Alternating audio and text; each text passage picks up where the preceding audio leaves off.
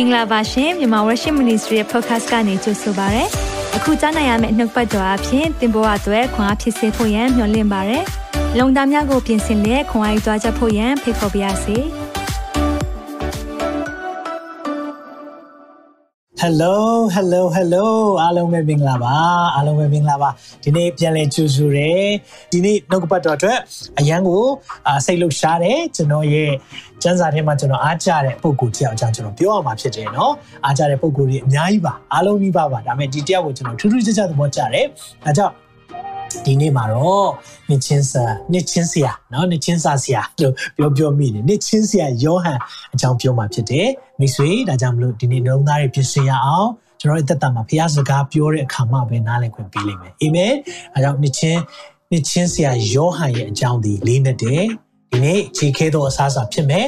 သင်ဝါနိုင်မယ်လိမ့်မယ်လို့ယုံကြည်တယ်ဝါနိုင်ဖို့လည်းကြိုးစားရအောင်ဒီနေ့ဘုရားရဲ့ဝိညာဉ်တော်ဘုရားကျွန်တော်တို့ကိုဖွင့်ပြမယ်အာမင်ဒါကြောင့်မလို့ကျွန်တော်ဝန်ခံနေကြနှုတ်ဘတ်တော်နဲ့ဝန်ခံရအောင်အာမင်ဇာလန်139 105 ဒီနှစ်သုံးနှုတ်ကပတ်တော်သည်အကျွန်ုပ်ခြေရှိမှမိခွက်ဖြစ်၍ကျွန်ုပ်လန်ခီကိုလင်းစေပါ၏တစ်ခါလောက်ထပ်ဝင်ခံရအောင်နှုတ်ကပတ်တော်သည်အကျွန်ုပ်ခြေရှိမှမိခွက်ဖြစ်၍အကျွန်ုပ်လန်ခီကိုလင်းစေပါ၏ဒီနေ့နှုတ်ကပတ်တော်ကလေသင်လန်းကိုလင်းစေတယ်အာမင်ဒီနှုတ်ကပတ်တော်ကလေသင်ဘာလုပ်ရလို့ဘာကိုင်ဟမှမသိတဲ့အချိန်မှာလေအဖြေပေးတယ်မှောင်နေတဲ့နေရာမှာအလင်းဖြစ်တယ်အကြောင်းသင်ရဲ့သက်တာမှာဒီနှုတ်ကပတ်တော်ကိုလေကြားနာယုံသက်သက်ပဲဆိုရင်တော့ သင်ကြိုးရှိမှာမဟုတ်ဘူးနှုတ်ကပတ်တော်ကိုကြားနာဖို့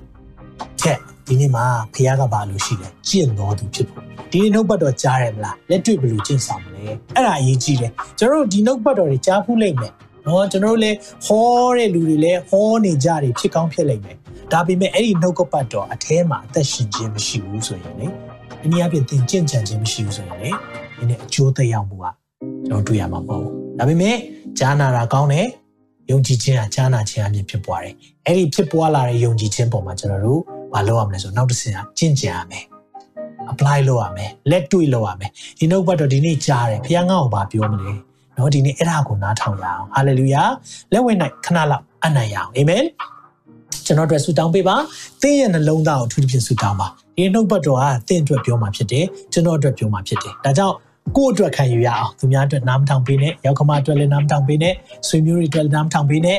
တော့ရောက်မအတွက်လည်းနားမထောင်ပေးနဲ့ကိုယ့်အတွက်ကိုနားထောင်ရအောင်ကိုယ့်ဘာဖះဘာစကားပြောမလဲဆိုတာကိုဒီနေ့မှာရင်ခုန်ရအောင်အာမင်ခဏလောက်စက္ကန့်နဲ့ရအောင်တရှင်တော်ဖះနာမတော်ကိုချီးမွမ်းတယ်ဂုဏ်တော်ကိုချီးမွမ်းတယ်ပို့ဆောင်ပေးတယ်ဖះကိုရော ဒီနေ့မှာကိုရောရဲ့လမ်းပြခြင်းလိုအပ်ကြောင်းကျွန်တော်တို့ဒီနေ့မှာသနာခံဆုတောင်းပါတယ်နှလုံးသားအသီးသီးကိုယေရှုနာမနဲ့ကောင်းချီးပေးတယ်ကျွန်တော်မဆာ၍တယောက်ချင်းစီတိုင်းနှလုံးသားမှာကိုရောနှုတ်ပတ်တော်မျိုးစိကြဖို့ရန်အတွက်ပြင်ဆင်ပါတယ်ဒီမြေနှလုံးသားမြေကိုတူးဆွပါတယ်ကြေကွဲ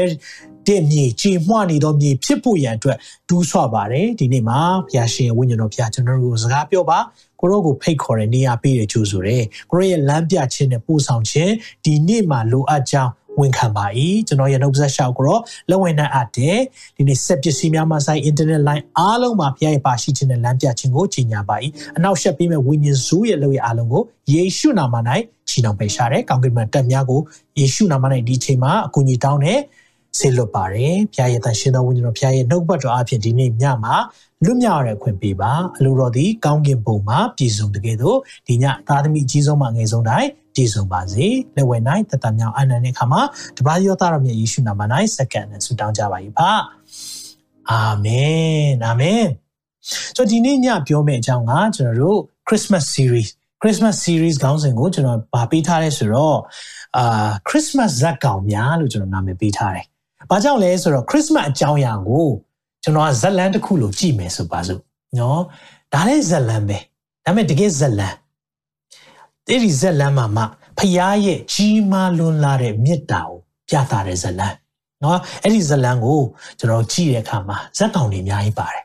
ဒါပေမဲ့အဲ့ဒီဇက်ကောင်တွေကနေကျွန်တော်ဘာတွေသိယူနိုင်မလဲဒါကိုလေ့လာနေတာဖြစ်တယ်ဆိုတော့ပြီးခဲ့တဲ့ထုတ်လွှင့်ချက်တုန်းကဇာခရီနဲ့အလိဇဘက်နော်အလိဇဘက်အကြောင်းကိုကျွန်တော်ပြောခဲ့တယ်ဒီနေ့မှာတော့ကျွန်တော်တို့နှစ်ချင်းဆရာယောဟန်နော်ဆိုတော့အလိဇဘက်နဲ့ဇာခရီရဲ့သားနှစ်ချင်းဆရာ ယောဟန်အကြောင်းကိုကျွန်တော်တို့ပြောသွားမယ်ဗတ္တိဇန်ဆရာเนาะဗတ္တိဇန်ဆရာလို့လည်းပြောတယ်နှစ်ချင်းဆရာလို့လည်းပြောတယ်เนาะဆိုတော့သူ့ရဲ့အကြောင်းကိုဒီညညမှာပြောသွားမှာဖြစ်တယ် ဆိုတော့မပြောခင်မှာကျွန်တော်သူ့ရဲ့ background လေးကိုနည်းနည်းရှင်းပြခြင်းတယ်ဆိုတော့ဘာတူလဲเนาะနှစ်ချင်းဆရာယောဟန်ဗတ္တိဇန်ဆရာယောဟန်เนาะဘလို့ပြောပြောရပါတယ်เนาะယောဟန်ဘာတူလဲ John the Baptist သူဘာတူလဲဆိုတော့ John ဆိုတဲ့နာမည်ယောဟန်ဆိုတဲ့နာမည်လေးကိုအရင်ဆုံးရှင်းပြခြင်းတယ်ယောဟန်ရဲ့နာမည်က God is gracious God is gracious ဖခင်ဟာဂျေဇုကရုဏာနဲ့ပြည့်စုံတဲ့သူဖြစ်တယ်ဆိုတဲ့အဓိပ္ပာယ်เนาะဖခင်သခင်ဟာကရုဏာရှင်ဖြစ်တယ်เนาะ gracious ဆိုတာဂျေဇုပြုတော်သူကရုဏာရှင်ဖြစ်တယ်လို့ပြောတယ်ဆိုတော့သူကအရင်ထုတ်လွှင့်ချက်ကကျွန်တော်လေ့လာတဲ့အခါမှာသူ့မိဘနှစ်ယောက်နှစ်ပါးကအသက်အရန်ကြီးနေပြီเนาะသူတို့ကယေဘရဟိမျိုးတွေဖြစ်တယ်ဆိုတော့အသက်ကြီးနေမှเนาะဖခင်ရဲ့ ကောင်းကင်တမန်ရောက်လာတယ်ဂါဘီလာကသာသမီမင်းဝင်သာသမီရမယ်လို့ပြောတဲ့အခါမှာသူ့အဖေကမယုံနိုင်ဘူးဇာခရိယမယုံနိုင်လွန်းလို့တောင်မှသူကနှုတ်ဆွန့်အားသွားတယ်နော်ကောင်းကင်တမန်ကအဲ့ဒီအချိန်မှာကဲမယုံဘူးဆိုရင်နှုတ်ဆွန့်အားသွားမယ်ဆိုတာကိုးလလုံးလုံးနှုတ်ဆွန့်အားသွားပြီးတော့ယောဟန်လေးမွေးပြီးတော့ဒီအရေးပြားလေးတဲ့နေ့မှာနာမည်ပေးတဲ့ကင်မွန်နာမည်ကင်မွန်ကင်မွန်တက်တဲ့နေ့မှာမှသူကစကားပြန်ပြောနိုင်တယ်เนาะဒီအကြောင်းကျွန်တော်လေ့လာခဲ့တယ်ဆိုတော့သူကနမိတ်လက္ခဏာအပြင်ဖြစ်ပွားတဲ့သားလေးဖြစ်တယ် เนาะနောက်ပြီးတော့ဓမ္မဟောင်းကာလလို့ပြောမယ်ဆိုရင်ဓမ္မဟောင်းနဲ့ဓမ္မသစ်မှာကျွန်တော်တို့ကဓမ္မဟောင်းကမာလခိမှာဆုံးသွားတယ်เนาะဓမ္မဟောင်းဓမ္မဟောင်းမာလခိမှာဆုံးသွားပြီးတော့ဓမ္မသစ်ဆိုရယ်မသေးကျမ်းမှာကျွန်တော်တို့ကျမ်းစာဖတ်ကြည့်မယ်ဆိုရင်ကျွန်တော်ကျမ်းစာအုပ်မှာတော့เนาะအခုကြည့်လိုက်เนาะကျမ်းစာအုပ်ထဲမှာတချို့ရှိရလို့ဆိုရင်เนาะအဲမာလခိနဲ့နော်မာလခိနဲ့မသေးကြတဲ့မှာတော့စာစာမျက်နှာ1နှ စ်3ရွက်ပဲတွေ့ရမယ်နော်ဒါပေမဲ့တကယ်တမ်းအပြစ်မှာနှစ်ပေါင်း400ကျော်ကြာသွားတယ်အဲ့ဒီအချိန်မှာ prophet ဒီအနေနဲ့ prophet ဒီကနေဖျားစကားပြောခြင်းမရှိတော့ silent period လို့ခေါ်တယ်တိတ်ဆိတ်ရာကာလဖျားစကားမပြောတော့ဘူးအဲ့အချိန်မှာဆိုတော့အဲ့ဒီအချိန်မှာဖျားရဲ့နှုတ်ကပတ်တော်မလာတော့ဘူးဒါပေမဲ့ဓမ္မသစ်လာတဲ့အချိန်မှာเนาะကျွန်တော်သိထားတဲ့ ဓမ္မသစ်ခရစ်ဝင်ကျမ်းနေစလာတဲ့ခါမှာတော့ဘာတွေ့ရလဲဆိုတော့တောနိုင်ဟစ်ကြော်တော့အတန်ဆိုပြီးတော့အဲ့ဒီမှာဖခင်ရဲ့ prophet တယောက်ပေါ်လာတယ်အဲ့ဒီပေါ်လာတဲ့သူကတော့ဘယ်သူမှဘယ်သူလဲဆိုတော့ဒီကျွန်တော်တို့အခုဒီနေ့ညမှာလေ့လာမယ်ယောဟန်ဖြစ်တယ်နော်ဗတ္တိဇန်ဆရာယောဟန်နှစ်ချင်းဆရာယောဟန်ဖြစ်တယ်ဆိုတော့သူ့အကြောင်းပြောမယ်ဆို तू ကဓမ္မဟောင်းရဲ့ နောက်ဆုံး prophet လို့လည်းပြောလို့ရတာပေါ့နော်ဓမ္မဟောင်းဓမ္မသစ်အကူပြောင်းကာလလေးမှာဆိုတော့သခင်ယေရှုခေတ်ကာလကိုတော့ဓမ္မသစ်လို့သတ်မှတ်မယ်ဆိုရင်တော့ယေရှုရဲ့ရှေ့မတိုင်ခင်လေးမှာပေါ်လာတယ်ဆိုတော့သူကဓမ္မဟောင်းရဲ့ prophet လို့လည်းပြောလို့ရတယ်ဒါပေမဲ့သူ့အကြောင်းကိုနော်ကျမ်းစာထဲမှာ prophet ကြီးနှစ်ပါးပြောခဲ့တယ်မာလခိကဟောခဲ့တယ်ပြီးရင်မာလခိကနှစ်ပေါင်း400ကျူပြီးတော့ရှင်ယောဟန်အကြောင်းပြောခဲ့တယ်ဒါပေမဲ့သူ့ထက် ပို့ပြီးတော့တောင်မှနှစ်ပေါင်းများကြီးပြောခဲ့တဲ့ prophet တယောက်ရှိသေးတယ်အဲ့ဒါကတော့ prophet ဟေရှာယနှစ်ပေါင်း900ကျော်ကြိုပြီးပြောထားတယ်အော်ဘုကောင်းတယ်နော်ဒီလိုအကြောင်းအရာတွေနှစ်ပေါင်းယာနဲ့ချီပြီးကြိုပြောနိုင်တာဘာကြောင့်လဲတခုပဲရှိတယ်တမန်ကျမ်းစာကိုအစအဆုံး alpha omega အစအဆုံးတည်တဲ့ဖျားကမှုတ်သွင်းထားလို့ဖြစ်တယ်တနည်းအားဖြင့်ဖျားကတည်လို့ဒါတွေကိုကြိုပြောခိုင်းထားတာဖြစ်တယ် တော့တိုက်ဆိုင်တာလုံးဝမဟုတ်ဘူးသခင်ယေရှုအကြောင်းကြားရင်ကျွန်တော်ဒီ prophecy အကြောင်းတွေအထူးဖြင့်ပြောပြသွားမယ်သခင်ယေရှုဘုံမွေးလာခြင်းဟာ prophet ပြုချက်ပေါင်းယာနဲ့ချီပြီးပြည့်စုံခဲ့တယ်ဒါကိုပြောပြခြင်းနဲ့တိုက်ဆိုင်မှုလုံးဝမဟုတ်ဘူးဒီအကြောင်းတွေအားလုံးဒီအရာကိုဒီကျမ်းစာအုပ်ကိုရေးတဲ့လူအယောက်40ကျော်ရှိတယ်နော်40နော်40 40ဝန်းကျင်ရှိတယ်အဲ့ဒီထဲမှာတယောက်နဲ့တယောက်မတွေ့ဘူးကြအောင် နှစ်ပေါင်း1500လောက်กว่าတယ်တယောက်နဲ့တယောက်ရေးသားတဲ့အချိန်ကြီးเนาะအစအဆုံးပြီးတဲ့အချိန်မှာနှစ်ပေါင်း1500အတွင်းရေးသားတယ်တယောက်နဲ့တယောက်မတွေ့ဘူးကြတဲ့လူအများကြီးရှိတယ်ဘယင်ပါတယ်တိုးချောင်းသားပါတယ်တငါတဲ့ပါတယ်အခွန်ခံပါတယ်ဘယင်မတွေပါတယ်เนาะပညာရှိအမှတ်တွေပါတယ်ဒီလိုလူတွေကရေးသားခဲ့တဲ့အားလုံးဟာအကြောင်းအရာ theme လို့ခေါ်တယ်ခေါင်းစည်းအကြောင်းအရာအခုတည်းပဲ အဲ့ဒီတခုတည်းကပါလေသိလားသခင်ယေရှုအကြောင်းကိုပဲပြညွှန်တယ်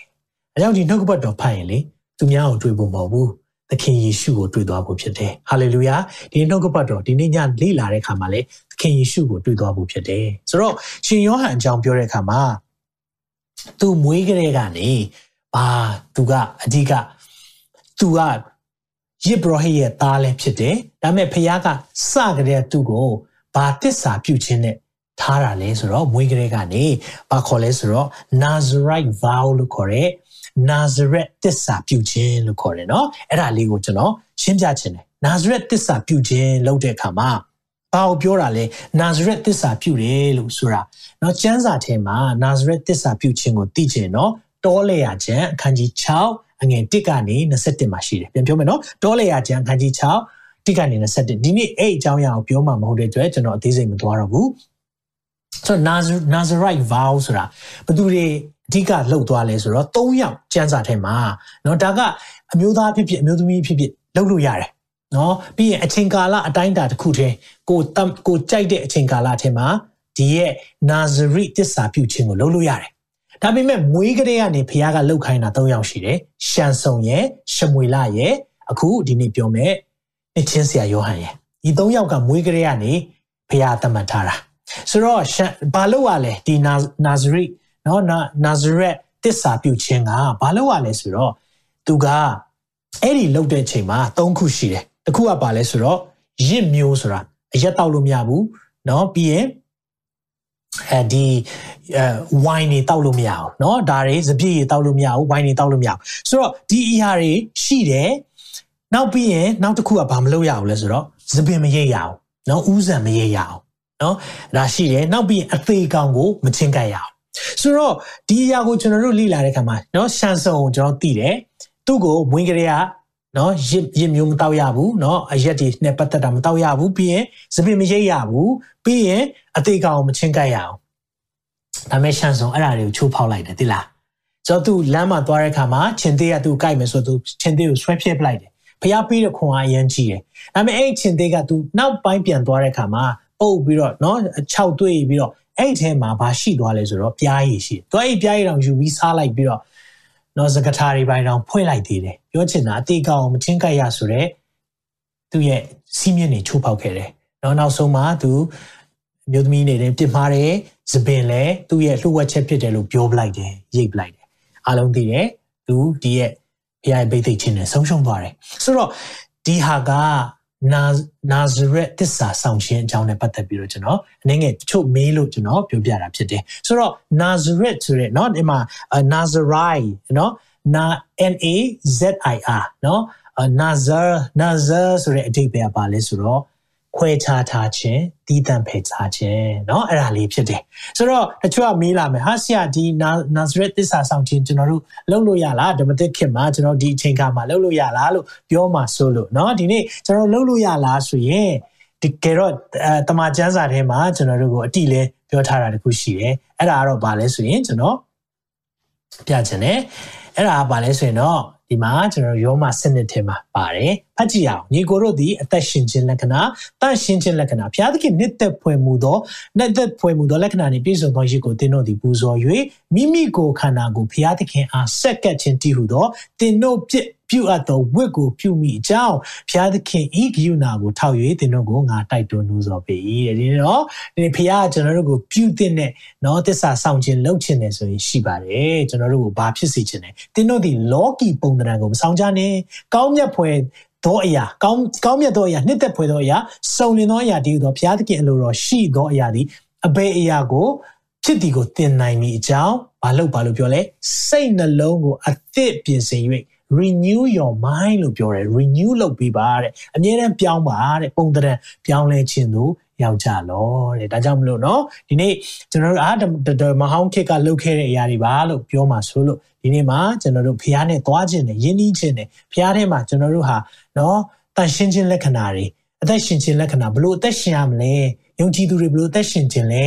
true worship လို့ဒါပြောထားတယ်ဖះနှစ်သက်တဲ့ဝတ် ဖျားနှစ်သက်တဲ့ကိုးကွယ်ခြင်းဘာလဲလို့သိချင်တယ်ဆိုရင်စစ်မှန်သောကိုးကွယ်ခြင်းဘာလဲသိချင်တယ်ဆိုရင်ယောမစနစ်မှာအဖြေပါပါတယ်เนาะဒါကိုပြောပြချင်တယ်ဟုတ်ပြီဆိုဒီနေ့မှာတော့ကျွန်တော်တို့အရှင်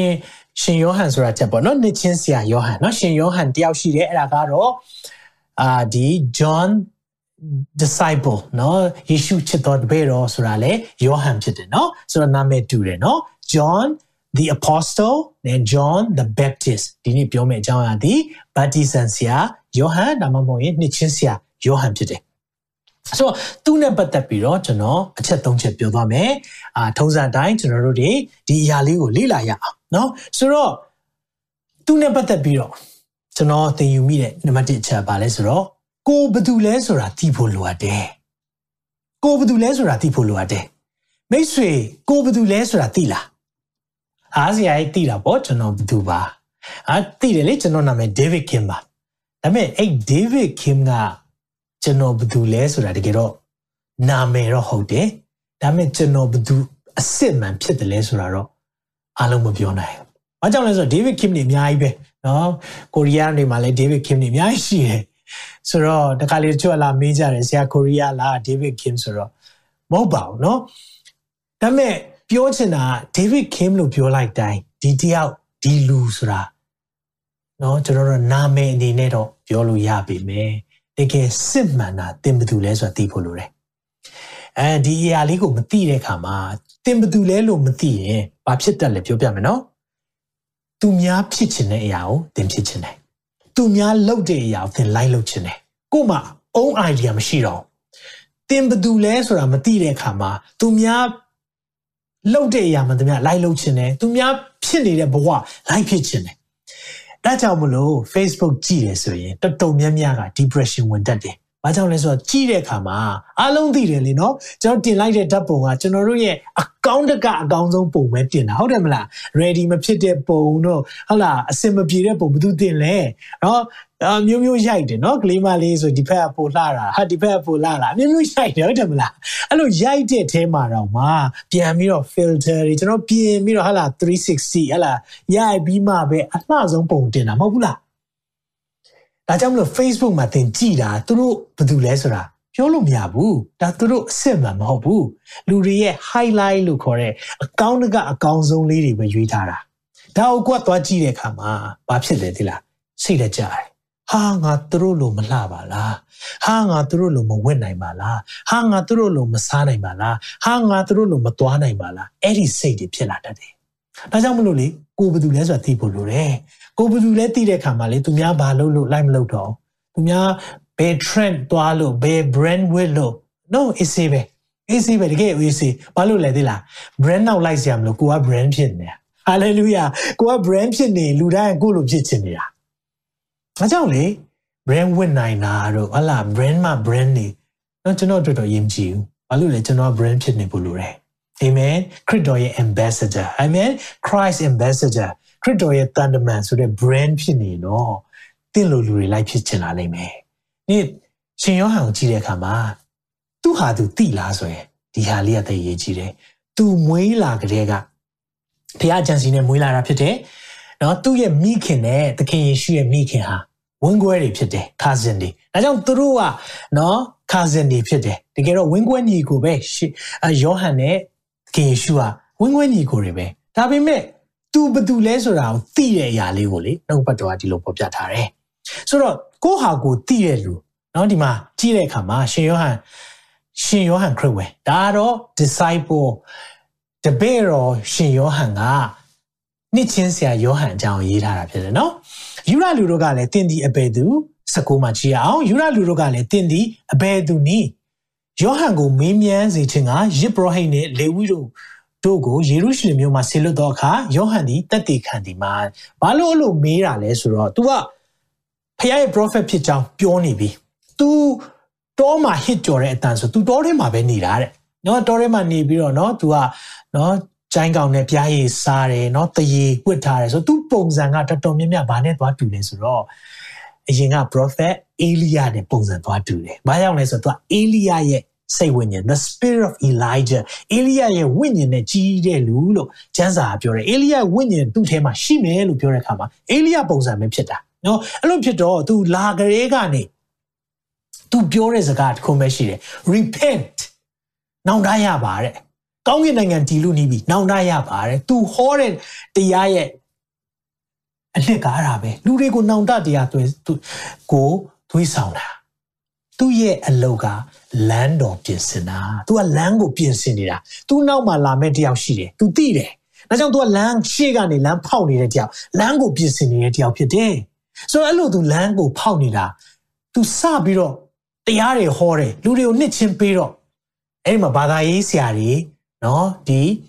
ရစ်ဘရဟိတ်တွေကစပြီးတော့သူ့ကိုတတိထားမိလာတယ်ဒါဆိုသူဘာလုပ်လဲသူ့ကိုမေးကြည့်တယ်နော်အဲ့ဒီအဲ့ဒီမှာဒီ ကျမ်းစာကိုတွေ့ရတာဖြစ်တယ်အဲ့ဒီမှာယောဟန်ချက်ချင်းပြောတာနော်အငယ်20မှာကျွန်တော် highlight လုပ်ထားပဲငါသည်ခရစ်တော်မဟုတ်သူချက်ချင်းပြောလိုက်တယ်ငါမဆိုင်ယမဟုတ်ဘူးနော်ငါမေရှိယမဟုတ်ဘူးနော်ငါ Christ မဟုတ်ဘူးနော်ငါခရစ်တော်မဟုတ်ဘူးထိန်ဝက်ခြင်းမရှိအတိလင်းပြောတယ်သူကယေရှုလိုလိုဘာလိုလိုမဟုတ်ဘူး။နောက်သူ့ကိုယ်သူဟာမဆောင်နေဘူး။ငါယေရှုမဟုတ်ဘူး။ဒါလည်းပြောတယ်။ထိုသူတို့ကလည်းတို့ဖြစ်ရင်သူဟာဘယ်သူနည်းဒါဆိုဘယ်သူလဲ။အေလိယဖြစ်တယ်လို့မေးမြန်းပြန်၏။ ယောဟန်ကလည်းငါအေလိယမဟုတ်။နော်မင်းအေလိယလားအလိုက်ဂျာလား။တော့အေလိယတော့မဟုတ်ဘူးတဲ့။ဤမီသော prophet ဖြစ်တဲ့နည်းဟုမေးပြန်ဘယ်သူလဲဒါဆိုရင်မေးတဲ့အခါမှာအဲ့ဒီမှာသူ23မှာပြန်ပြောတယ်။ယောဟန်ကလည်းငါသည် prophet ဟေရှာယဟောပြောသည်နဲ့အညီအေရှာယဟောပြောတဲ့သူတယောက်ဖြစ်တယ်ဘယ်သူလဲဆိုတော့သာရဖျားဤလမ်းခီးတော်ကို ဖြောင်းစေကြလောဟု တော၌ဟစ်ကြော်သောသူရဲ့အတန်ဖြစ်တယ်သူဘယ်သူလဲဆိုတာကိုအမှပြောလိုက်ပြီဟေးပြောမယ်နော်အေလိယလည်းမဟုတ်ဘူးတခြား prophet လည်းမဟုတ်ဘူးဒါပေမဲ့ဟေရှာယဟောထားတဲ့နှုတ်ကပတ်တော်တွေကနှစ်ပေါင်း900တနည်းအားဖြင့်နှစ်ပေါင်း900လေကြိုပြောထားတဲ့ prophet ပြုချက်လေအဲ့ဒီတောမှာဟစ်ကြော်တဲ့အတန်တောကနေထွက်လာတဲ့အတန်ဆိုတာအာပဲအဲ့လိုပြောလိုက်တယ်ဒါဆိုရင်စက်ကြည့်အောင်ဒါဆိုရင်ဟေရှာယဘယ်တော့မှပြောတာလဲနော်ဟေရှာယ ဟေရှားပဲပြောတာမဟုတ်ဘူးမာလခိကလည်းပြောတယ်ဆိုတော့မာလခိကဘာပြောလဲဆိုတော့ကြည့်ရှုလောသာရပြိုင်ကြောက်မဲ့ဖွယ်သောနေ့ရက်ကြီးမရောက်မီ prophet Elia ကိုသင်တို့စီတော့ငါစီလွတ်မယ်။နော်ကျွန်တော်တို့အခုနော်ဒီရဲ့ prophet Elia ကအမြဲတမ်းကျမ်းစာထဲမှာပါပါနေတယ်။ဖျားရဲ့ကြောက်မဲ့ဖွယ်သောနေ့ကြီးဆိုတော့နော်ကျွန်တော်တို့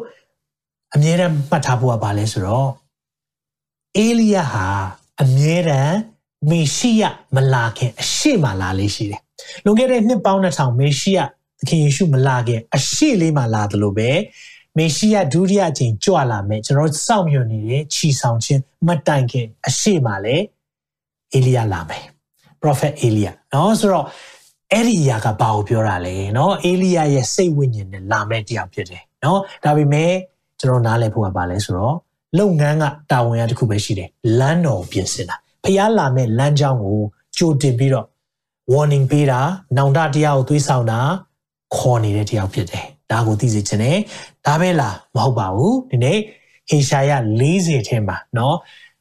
ပြောတဲ့အကြောင်းအရာလေးရှင်ယောဟန်ကနော်ယောဟန်နှစ်ချင်းဆရာယောဟန်ကအခုပြောတဲ့အရာအေလိယအဲဟေရှာယဟောထားတဲ့ကျမ်းစာတရားတရားဆိုတာဘာကိုပြောချင်တာဒီမှာပြောထားတယ် ဟေရှာယနာဂတိကျမ်းခန်းကြီး40အငယ်3မှာတော၌ဟစ်ကြော်သောသူ၏အတန်ကသာရဖျားကြွတော်မူရာလမ်းကိုပြင်ကြလော့တင်းတို့ဖျားသခင်လမ်းခီတော်ကိုလွင်ပြင်၌ဖြောင်းစေကြလော့တော၌လာမဲ့အတန်ရှိတယ်တဲ့ချိုင်ဝမ်းရရှိသမျှကိုဖြိုရမည်တောင်ကြီးတောင်ငယ်ရှိသမျှကိုဖြိုရမည်ကောက်တော်လမ်းများကိုဖြောင်းစေရမည်ကျမ်းတော်လမ်းများကိုတုတ်တင်ပြင်ဆင်ရမည် သာရဖျားဤဘုံတော်ပေါ်ထွန်း၍လူအပေါင်းတို့သည်အတူမြင်ရကြလက်တံဟုသာရဖျားဤနှုတ်တော်ထွက်အမိန်တော်ရှိ၏နှစ်ပေါင်း900ကျူပြောထားတဲ့အရာဖြစ်တယ်တောမှာဟစ်ကြော်တဲ့အတန်သာရဖျားရဲ့လမ်းပြင်ဆင်မယ်ဆိုတာအဲ့ဒီတယောက်ဖြစ်နေတာနော်ဆိုတော့နှစ်ချင်းဆရာယောဟန်ကအဲ့ဒီတယောက်ဖြစ်နေတာတောမှာဟစ်ကြော်တဲ့အတန်ဖြစ်တယ်တဲ့သူပြောလိုက်တယ်ငါမေရှိယမဟုတ်ဘူးသူဟာသူသိတယ်ဒါပဲလားဒါပဲမဟုတ်ဘူး ဒီနေ့သူစပြီးတော့နှစ်ချင်းတွေခံပေးတယ်နှစ်ချင်းပေးတာပေါ့နော်အဲ့ဒီချိန်မှာလူအများကြီးကစပြီးတော့နှစ်ချင်းလာခံကြတယ်ဘာကိုပုံဆောင်တာလဲနောင်တတရားကိုပုံဆောင်တာเนาะဒီရေထဲနှစ်လိုက်တာကိုပြောတာမဟုတ်ဘူးဒီနေ့အဲ့ရေထဲနှစ်လိုက်တာကเนาะအများကြီးလေးနက်ချက်ရှိတယ်ခရစ်တော်နဲ့အတူတည်တယ်ခရစ်တော်နဲ့အတူထမြောက်တယ်ဒါကိုကျွန်တော်တို့အခုအခုခရစ်တော်ရဲ့ကားတိုင်းနောက်ပိုင်းမှာဒါတွေလုပ်တယ်ဒါပေမဲ့အဲ့ဒီအချိန်တော့မှာ purification တန့်ရှင်းခြင်းเนาะနှလုံးသားပြင်ဆင်ခြင်းဒါကိုပုံဖော်တာအဲ့လိုလုပ်တဲ့အခါမှာသခင်ယေရှုကလာတယ်နော်ဒီရက်မှာလာတဲ့အခါမှာအဝေးကနေလှမ်းတွေ့တော့နှစ်ချင်းဆရာယောဟန်ဘာပြောလဲငါတို့အဖြစ်ကိုဆောင်သွားမယ်သိုးတငယ်သာရဖျားရဲ့သိုးတငယ်ဖြစ်တယ်တဲ့အဲ့လိုပြောတယ်အဲ့ဒါပြီးလဲပြီးရောနှစ်ချင်းလာခံတော့တော့သူမပေးနိုင်ဘူးတဲ့နှစ်ချင်းမပေးဘူးတဲ့သူလိုပြောတာ no no no ကျွန်တော်ကိုရောရဲ့နော်ခြေနင်းကိုတောင်ဖြေဖို့တောင် အဲ့လောက်အထိတောင်မှကျွန်တော်တို့ကျွန်တော်မှာကျွန်တော်မထိုက်မဝင့်ဘူးတဲ့မထိုက်တန်ဘူးတဲ့ဂျုံတော့ကိုကိုကိုဘသူဖြစ်မှန်းသိတဲ့သူကအဲ့လိုစကားထွက်လာတယ်နှိမ်ချခြင်းနေပြတယ်အဲ့ဒါနှိမ်ချသွားတာမဟုတ်ဘူးနော်ကျွန်တော်တို့ယုံကြည်သူများမရှင်းတာလေနှိမ်ချခြင်းနဲ့နှိမ်ချခြင်းကိုမကွဲပြားဘူးဒီနေ့နှိမ်ချတယ်လို့ပြောတဲ့အခါမှာကျွန်တော်တို့ဆင်းရဲရမယ်စားစရာမရှိရဘူးစုပ်ပြတ်တတ်နေရမယ်အဲ့ဒါပြောတာမဟုတ်ဘူး နှိမ်ချတယ်ဆိုတာဒီနေ့ဖျားဘူးသူဖြစ်လဲဆိုတာသိတာဖျားကိုဖျားနေရမှာထားတဲ့သူကိုပြောတာဒီနေ့ကျွန်တော်တို့ကတခါလေးမှနှိမ်ချနေတာအတွေးခေါ်ပိုင်းမှာနှိမ်ကြတယ်နေထိုင်မှုအဆင့်မှာနှိမ်ကြတယ်ဘာမှလည်းမသိဘူးပညာရေးမှာအဲ့လိုဖြစ်တဲ့ဟာကိုကိုယ့်ကိုနှိမ်ချတယ်ထင်တာအဲ့လိုထင်ပြီးတော့လေငါတို့မသိတာဘာမှဖြစ်ဘူးဖျားရှိတယ်အဲ့ဒါနှိမ်ချတာမဟုတ်ဘူးမောက်မာတာဒီနေ့လေနေ့အိမ်နှစ်ခုကိုကိုယ်ပြပြသိဖို့လိုတယ်နှစ်ချင်းဆရာယောဟန်ကတော့ ဟုတ်ပြီကျွန်တော်ကျွန်တော်ကိုရောကိုနှစ်ချင်းပေးရမှာမဟုတ်ကျွန်တော်ကိုရောပေးရမှာတဲ့အဲ့မှာသခင်ရှိရပါပြန်ပြောလဲဆိုတော့နှစ်ချင်းခံသွားတယ်နော်ဒါပေမဲ့တခုအဲ့ဒီမှာရှင်းရှင်းလင်းလင်းပြောချင်တယ်နှစ်ချင်းခံလိုက်လို့သခင်ယေရှုကအပြစ်ရှိလို့နှစ်ချင်းခံတာလုံးဝမဟုတ်ဘူးနော်တချို့တွေဒီလိုသင်နေတဲ့အရာတွေလည်းကြားတယ်အဲ့ဒါ theology မှားပါတယ်သခင်ယေရှုကနှစ်ချင်းခံတာဟာ အပြစ်ရှိလို့လုံးဝမဟုတ်ဘူးကျမ်းစာဘယ်လိုပြောလဲဆိုတော့မဿဲ3:55ထဲမှာဘယ်လိုပြောလဲဆိုတော့အလုံးစုံသောတရားတို့ကိုအကုန်အစင်ကျင့်သင်သည့်ဖြစ်၍ယခုအခွင့်ပေးပါအလုံးစုံသောတရားတို့ကိုအကုန်အစင်ကျင့်ဖို့လိုလို့အခွင့်ပေးပါလို့ပြောလို့ရှင်ယောဟန်အခွင့်ပေးတယ်။ဘာကိုပြောချင်တာလဲ။လူစားတီခံခြင်းကျွန်တော်တို့လူလိုပဲဖြစ်လာတဲ့အခါမှာသူ့မှာအလုံးစုံသောတရားဆိုပြည့်ညက်ကိုလိုက်ရှောက်နိုင်တဲ့သူမရှိဘူး။ဓ မ္မဟောင်းကာလတောက်လျှောက်မှာနော်ပြည့်ညက်အဲမှာတိတ်ကောင်းတဲ့ဘုရားရဲ့ပြည့်ညက်ချက်တွေလိုက်မရှောက်နိုင်ဘူးဘယ်သူမှဘယ်သူလိုက်ရှောက်နိုင်လဲဘုရားလူတွေကျွန်တော်သိတယ်ဒါဝိမင်းကြီးမရဘူးသူများမရအောင်ပြစ်မှားတယ်အဲ့ဒီမရရဲ့ခင်မွန်းတယ်ကိုသူလောက်ကြံတယ်နော်ဒါမျိုးတွေရှိတယ်နော်ဆိုတော့မပြည့်စုံမပညာအရန်ရှိပါတယ်ဆိုတော့ရှောလမုန်သူ့ရဲ့ဘဝမှာတခြားဖျားတွေကို နော်အမျိုးသမီးတွေကသူ့မောင်မတွေနော်သူ့ရဲ့မိဖုရားတွေကတခြားဖုရားတွေကိုးကွယ်လာတဲ့အရာသူခွင့်ပြုတဲ့အရာတွေနော်သူ့မှာနောက်ဆုံးမှဆိုရင်အနတ္တပဲအနတ္တပဲနော်နောက်ဆုံးသူကအလကားပဲဘဝအလကားပဲဖြစ်သွားတာဒါကြောင့်ဒီပြည့်ညက်တရားတွေကိုကျင့်ကြံနိုင်တဲ့သူမရှိတဲ့အခါမှာသခင်ယေရှုကကျွန်တော်တို့ရဲ့ကိုစားအလုံးစုံသောအကျင့်တွေနော်အလုံးစုံသောတရားတွေကိုအကုန်စင်ကျင့်သင့်တဲ့အတိုင်း ကျွန်တော်ကျင့်ရမှာမို့လို့ခွင့်ပြုပါအဲ့လိုပြောတာအပြစ်ရှိလို့လုံးဝမဟုတ်နော်အဲ့ဒါကိုသိစေချင်တယ်အဲ့ဒီမှာရှင်ယောဟန်ခွင့်ပြုလိုက်တယ်ခွင့်ပြုတဲ့အခါမှာနော်နှင်းချင်းခံပြီးတော့ချက်ချင်းရေပေါ်ပေါ်လာတဲ့အခါမှာဘာဖြစ်လဲဆိုတော့ဂျိုးငက်ကဲ့သို့နော်ဂျိုးငက်မဟုတ်ဘူးနော်တန်ရှင်သောဝိညာဉ်တော်ဆင်းသက်တယ်ဂျိုးငက်ကဲ့သို့ဆိုတာဖခင်ရဲ့ဆင်းသက်ခြင်းကိုပုံဆောင်တာဖြစ်တယ်အဲ့ဒီမှာကောင်းကင်ကဖွင့်ပြီးတော့ဤသူကငါရဲ့ချစ်မြတ်နိုးရငါရဲ့ချစ်သားဖြစ်တယ်သူရဲ့စကားကိုနားထောင်ပါ အဲ့ဒီစကားတွေအားလုံးရှင်ယောဟန်ကြားခွင့်ရှိတယ်ဒါကြောင့် तू ကသိတယ်ကိုဘသူလဲဆိုတာသိဖို့လိုတယ်အဲကြောင့်မိတ်ဆွေကိုဒီနေ့မင်းကိုမေးချင်တယ်ကိုဘသူလဲလို့ပြောတဲ့အခါမှာကို့နာမည်ကိုပဲမပြောပါနဲ့အဲ့ဒါနာမည်ဒါပေမဲ့သင်ဘသူလဲသိချင်လားအရေးကြီးတာလေသင်ဟာလေဖခင်ရဲ့သားသမီးဖြစ်ဖို့လိုတယ်ဟာလေလုယာဒီနေ့ခရစ်တော်ကိုကယ်တင်ပိုင်ရှင်နဲ့အရှင်သခင်ဖြစ်လုံးဝအကျွမ်းမဲ့လက်ခံထားတဲ့သူဟာဖြောင့်မတ်တော်သူဖြစ်တယ် You are the righteousness of God in Christ Jesus ယေရှုခရစ်၌သင်ဟာဖခင်ရဲ့ဖြောင့်မတ်တော်သူဖြစ်တယ်ဒါကိုအရင်ဆုံးသိဖို့လိုတာဖခင်ရဲ့သားသမီးဖြစ်ကြောင်းပြီးကြရင်တော့ကြံတဲ့အရာတွေဟာတင့်ကိုဖခင်ပါလှုပ်ဖို့လောကမှာထားတာလေအဲ့ဒါသိဖို့လိုတယ်လောကမှာဖခင်ကလေကျွန်တော်တို့အကြံစီနဲ့ထားထားတယ်ဒါပေမဲ့သင်အဲ့အကြံစီကိုသိပြီလားမသိတဲ့လူအများကြီးရှိတယ်လောကကြီးမှာမသိတဲ့လူပိုများတယ်သိတဲ့လူထက်အာယောဟန်ကတော့ နှစ်ချင်းဆရာယောဟန်ကတော့ကောင်းကောင်းသိတယ်သူဘယ်သူလဲဆိုတာအဲကြောင့်သူကသူ့အလုပ်ကလမ်းတော်ပြင်ဆင်မယ်တောကအတန်လူတွေကိုတတိပေးမဲ့သူဖြစ်တယ်အေလိယရဲ့စိတ်ဝိညာဉ်နဲ့နော်အေလိယရဲ့စိတ်ဝိညာဉ်လို့ပြောတဲ့အခါမှာရဲရင်တယ်ပြတ်သားတယ်ဟောပြောနိုင်တယ်အကြောင်းသူ့ရဲ့အလုပ်သူသိတယ်ဒါပေမဲ့နောက်နံပါတ်1အချက်ကိုကျွန်တော်ပြောပြချင်တယ်ဒီလိုဖခင်ရဲ့အမှုတော်ကိုသူဆောင်တဲ့အခါမှာလွယ်ကူလားလွယ်ကူဘူး အားလုံးအစင်ချောလားအစင်မချောဘူးယောဟန်ကတတ္တိရှိပြီးတော့ပြောရဲဆိုရဲတဲ့သူလည်းဖြစ်တယ်အဲ့လိုပြောရဲဆိုရဲတဲ့အခါမှာ तू ကအေလိယရဲ့စိတ်ဝိညာဉ်နဲ့အလုပ်လုပ်တယ်ဆိုတော့ very bold အရန်ကို brave ဖြစ်တာအဲ့လိုပြောလိုက်တဲ့အခါမှာဒုက္ခရောက်တယ်။နော်ဆိုတော့ဘလို့ဒုက္ခရောက်လဲဆိုတော့ तू ကနော် hero မင်းကြီးကိုဝေဖန်တယ်ဆိုတော့အဲ့ဒီအချိန်တုန်းကတော့ နော်စော်ဘွားလို့လည်းကျန်းစာတနေရာမှာသုံးထားတယ်ဒါပေမဲ့မင်းကြီးလို့လည်းသုံးတယ်နော် hero မင်းဆိုတော့ hero မင်းကသူ့ရဲ့နော်သူ့ရဲ့အကိုဖိလစ်ပူပေါ့ဖိလစ်ရဲ့အမျိုးသမီးကိုသူကလက်ထပ်ယူလိုက်တဲ့ခါမှာဟာဒါကတော့မဖြစ်သင့်ဘူးသူကပြောလိုက်တယ်ဒါဒါမလုပ်ရဘူးအဲ့လိုပြောတဲ့ခါမှာ hero ကသူ့ထောင်ချလိုက်တယ်ထောင်ချလိုက်တဲ့အခါမှာသူကထောင်ထဲရောက်သွားတဲ့အခါမှာထောင်ထဲကနေသခင်ယေရှုရဲ့လုပ်ရက်တွေအားလုံးသူကြားနေတယ် သခင်ယေရှုဘလို့အလုပ်လုပ်နေတယ် ministry ပေါ့သခင်ယေရှုရဲ့ ministry ကိုသူကြားနေတယ်ဧဝံဂေလိလုပ်ငန်းတွေသူကြားနေတယ်လူအများကြီးသူ့ရဲ့နောက်လိုက်အများကြီးရှိတယ်ဒါပေမဲ့ယေရှုရဲ့နောက်ကိုသူတို့လိုက်သွားကြပြီသူကြားနေတယ်ဒါပေမဲ့ရှင်ယောဟန်မှာလည်းသူတပည့်တွေရှိသေးတယ်ယောဟန်မှာလည်းဆိုတော့အဲ့ဒီမှာလည်းသူတပည့်တွေရှိပေမဲ့သူကကြားနေတဲ့ခါမှာသူ့စိတ်ထဲမှာငါငါဘာတူလဲနောက်တစ်ခါလေးလေ အချုပ်ခံထားရတဲ့ခါမှာတန်တရားဆိုတဲ့စိတ်ဝင်တတ်တယ်ကျွန်တော်တစ်ခါလေးလေချီနှောင်ခြင်းဖြစ်လာတဲ့ခါမှာလေကိုကိုကိုဘယ်သူမှမသိတော့တဲ့အခါဖြစ်တတ်တယ်နော်ကိုကိုကိုဘယ်သူမှမသိတော့တဲ့အခါမှာမေးခွန်းနေမေးလာပြီမေးခွန်းနေမေးလာပြီဒီຢာလေးကိုကျွန်တော်ပြောပြခြင်းတယ်သင်စိတ်ပြတ်တဲ့အချိန်ရှိလိမ့်မယ်ရှင်ရောနော်နှစ်ချင်းစရာယောဟန်ကထောင်ထဲမှာနေတဲ့အခါမှာ तू စိတ်ပြတ်မိမှာပဲ။ သူပြောတဲ့အရာတွေကဖျားလန်းတော်ပြင်တဲ့အရာတွေလူတွေနောင်တရတဲ့တဲ့တရားတွေသူဟောတယ်အကောင်းဆုံးတွေသူပေးတယ်နှစ်ချင်းနေခံပေးတယ်အမေသူထောင်ကြတဲ့ခါမှာသူ့ကိုယ်သူလည်းစဉ်းစားလာတယ်ငါဘာဖြစ်တာလဲเนาะဒါကြောင့်မလို့နံပါတ်1ချက်ကကျွန်တော်ဗာပြောပြချင်လဲဆိုတော့เนาะနံပါတ်1ချက်ကကိုမျော်လင့်သလိုဖြစ်မလာရင်သခင်ကိုစိတ်မပစ်ပါနဲ့ကိုမျော်လင့်သလိုဖြစ်မလာဘူးဆိုရင်လေ သခင်ကိုစိတ်မပြတ်နဲ့အဲ့မှာကျွန်တော်ဘာကြောင့်ဒါကိုပြောလာလဲဆိုတော့ကျွန်တော်ပြောပြချင်တယ်ရှင်မာကုခရစ်ဝင်ကျမ်းမှာအာအခန်းကြီး6အောင်ငယ်16ကနေ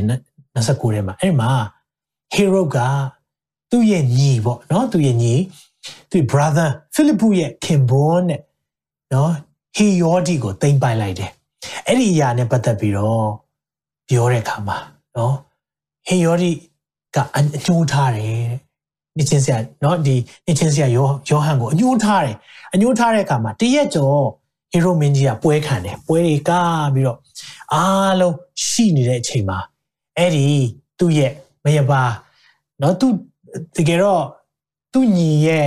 သမီးဆိုရင်တော့သူ့ရဲ့ဒူမပါပဲနော်ဆိုတော့အဲဟီယောရီရဲ့သမီးကကရောကတဲ့အခါမှာ तू ကစိတ်တော်တွေးတော့အာလူရှိမှချီးကျူးပြီးတော့ကဲဒီလောက်ကတာတော်တာ လိုရာစုတောင်းစေနောက်ဆုံးပြောမယ်ငါတိုင်းပြည်တဝက်ပေးရမယ်ဆိုရင်တော့ပေးမယ်ကလေးမလေးကဘာတောင်းရမှမသိတော့သူ့မိနာသွားတယ်သူ့မိနော်ခုနဖိလိပ္ပုရဲ့မိန်းမပေါ့နော်အခုဟီရိုရဲ့ဟီရိုသိမ့်ပိုက်လိုက်တဲ့အမျိုးသမီးကဘာတောင်းအောင်လဲအမေအကွက်ဝင်သွားပြီနေချင်းဆရာယောဟန်ရဲ့ကောင်းကိုလင်ပန်းမှာလိုချင်တယ်လို့သွားတောင်းပါ နော်ဆိုတော့ဒီရဲ့အခြေအနေတွေဖြစ်လာတယ်ဆိုတော့အညှိုးထားတဲ့အရာလေးတွေနဲ့ဖြစ်လာတဲ့အရာဆိုတော့စဉ်းစားကြည့်အောင်နော်ယောဟန်ကအဲ့အချိန်မှာထောင်ထဲကြတယ်ထောင်ထဲရောက်တဲ့အခါမှာ तू စိတ်ပြက်တယ်စိတ်ပြက်တော့မဖြစ်သေးဘူးငါရဲ့ငါငါငါရဲ့ ministry ပြီးသွားပြီလားငါလောကမှာဖျားထားတဲ့ရည်ရွယ်ချက်ပြည့်စုံပြီလားအဲ့ဒီအချိန်မှာ तू အသက်30ပဲရှိသေးတာ ministry ပြည့်စုံပြီလားဘာကြောင့်လဲဆိုတော့ဂျူးလူမျိုးတွေကအမှုတော်မြတ်ကိုစဆောင်တယ်ဆိုရင်အများအား30မှာဆောင်လို့ရှိတယ်ဒါကြောင့်မလို့အချိန်မတန်သေးတဲ့အချိန်ကြီးတောမှာပဲသူနေတယ်လို့ကျမ်းစာပြောတာဆိုတော့အချိန်တန်တယ်ဆိုတော့30ပြည့်သွားတာကိုပြောတာဆိုတော့တကယ်တော့သူကဖြစ်တင်တာပါလေသိလားယေဘရဟိတ်ပဲဖြစ်ရမှာ